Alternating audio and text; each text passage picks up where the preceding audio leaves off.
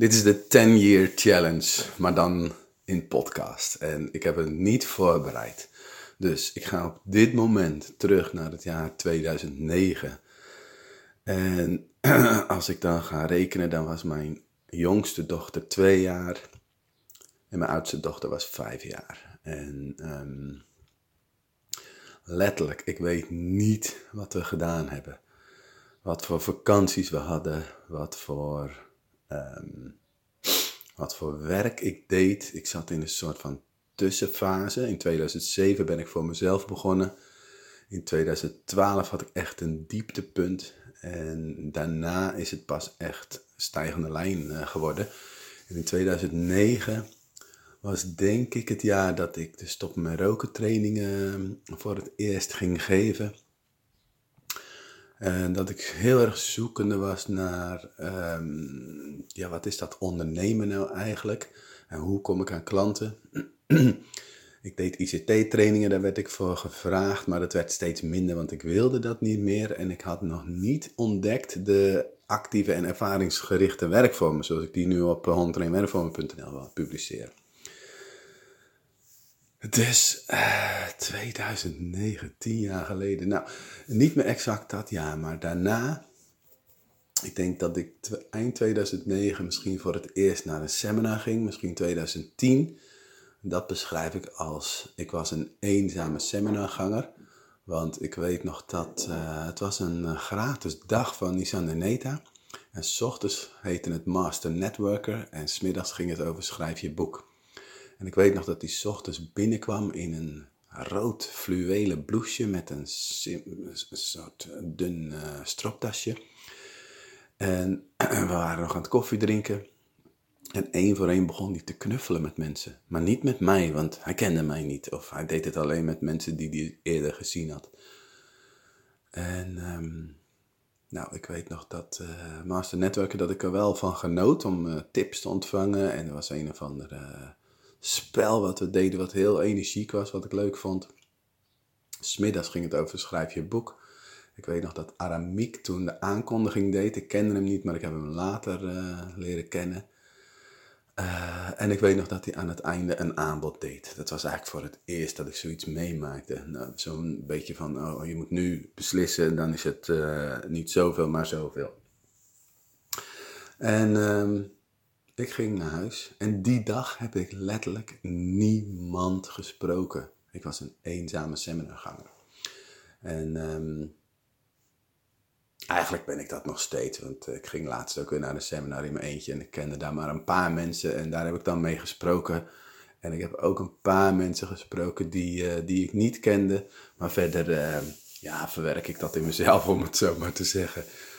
Dus uh, wat dat betreft zou ik kunnen zeggen, is er niet heel veel veranderd. Behalve dan dat heel veel mensen mij nu kennen en dan uh, naar mij toe komen.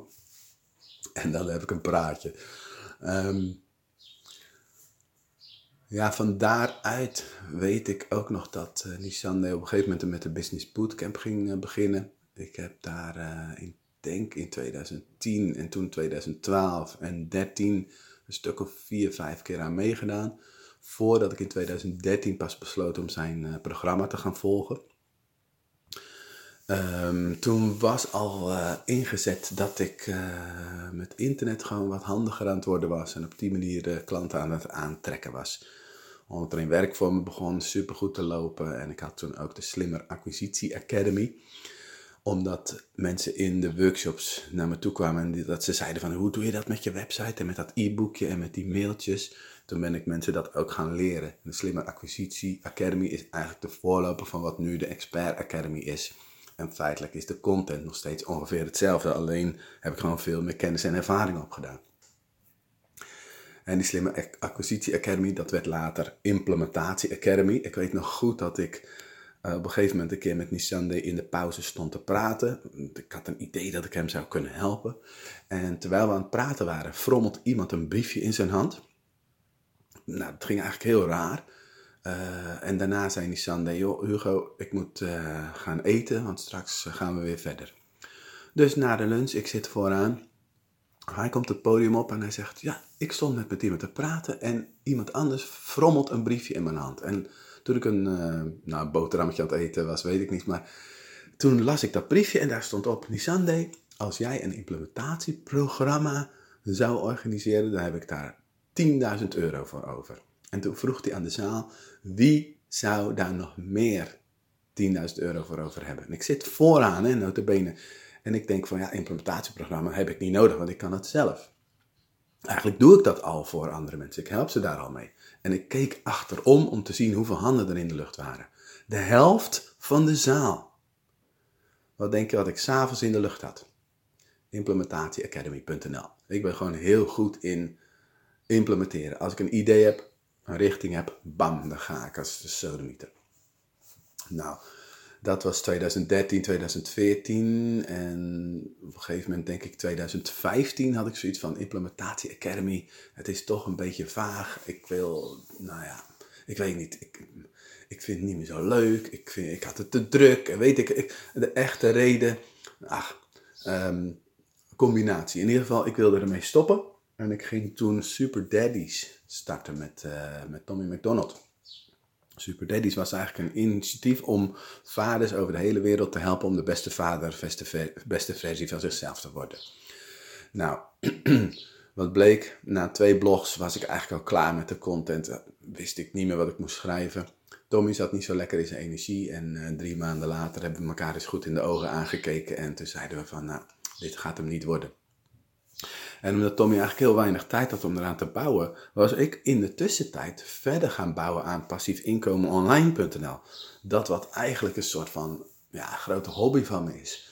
met name affiliate marketing en gewoon video's maken, uh, gewoon mensen helpen.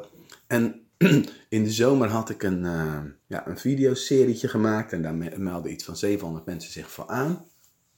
En toen was er ook een stukje software wat eh, gelanceerd werd. En toen heb ik eh, die software gekocht. Daar heb ik twee of drie dagen heb ik dat bestudeerd en heb ik daar video's van gemaakt. En dat mailde ik naar die 700 man. Zo van, joh, deze software, volgens mij is dit super gaaf. Ik heb het bestudeerd, alsjeblieft, hier heb je een cursus ervan, want het is allemaal Engels en dan heb je het nu in het Nederlands. Vlak daarna gingen we met de camper op vakantie. En toen dacht ik op een gegeven moment, een paar dagen waren we op vakantie, dacht ik, oh, eens kijken of ik commissies heb gekregen van, uh, van dat mailtje en dat systeem wat ik dus uh, gepromoot heb. Wat denk je? Ongelooflijk. 1500 euro's aan commissie verdiend. En toen dacht ik, wauw, dit is cool.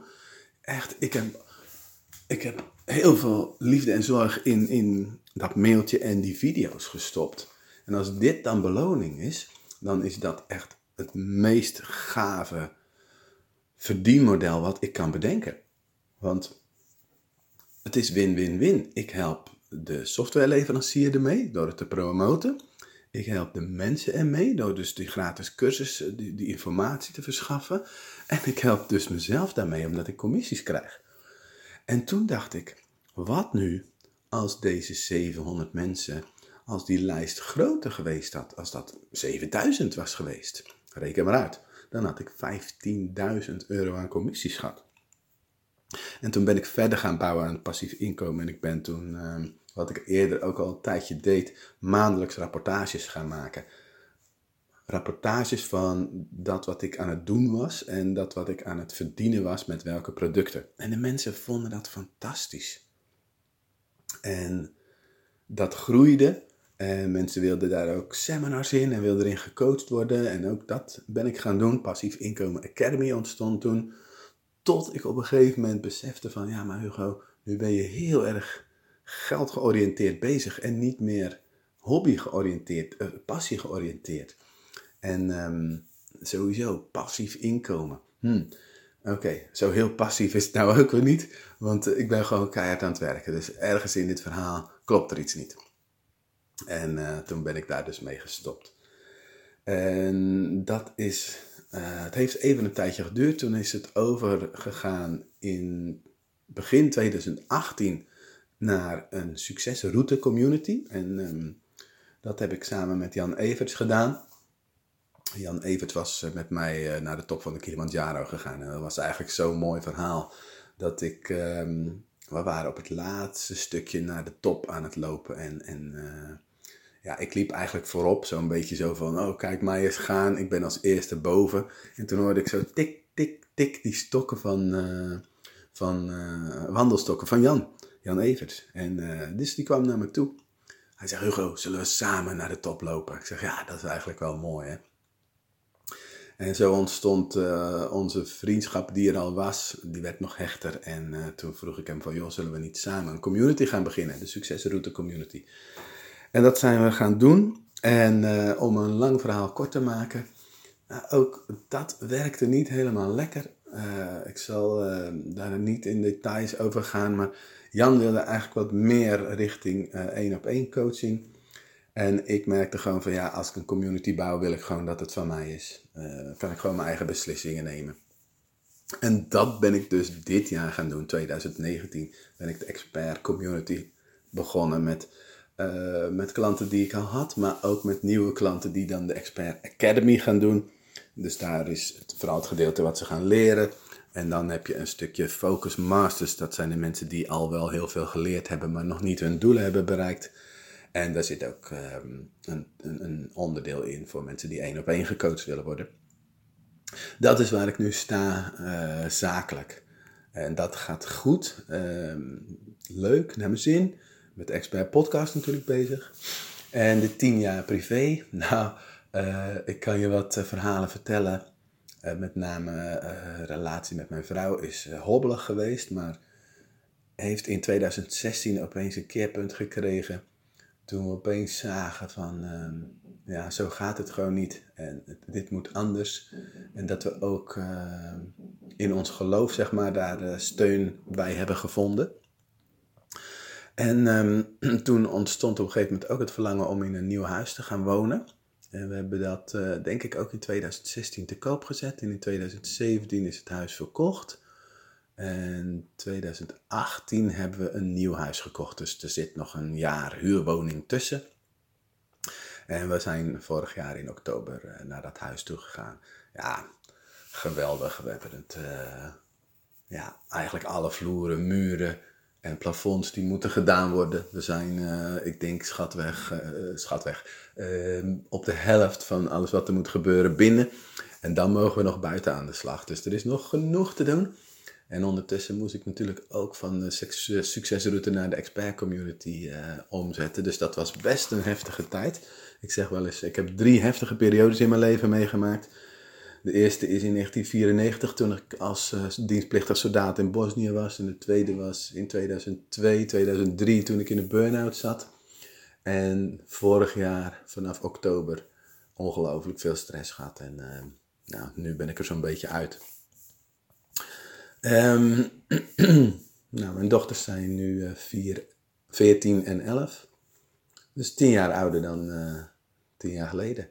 En um, ja, die groeien. En daar geniet ik enorm van.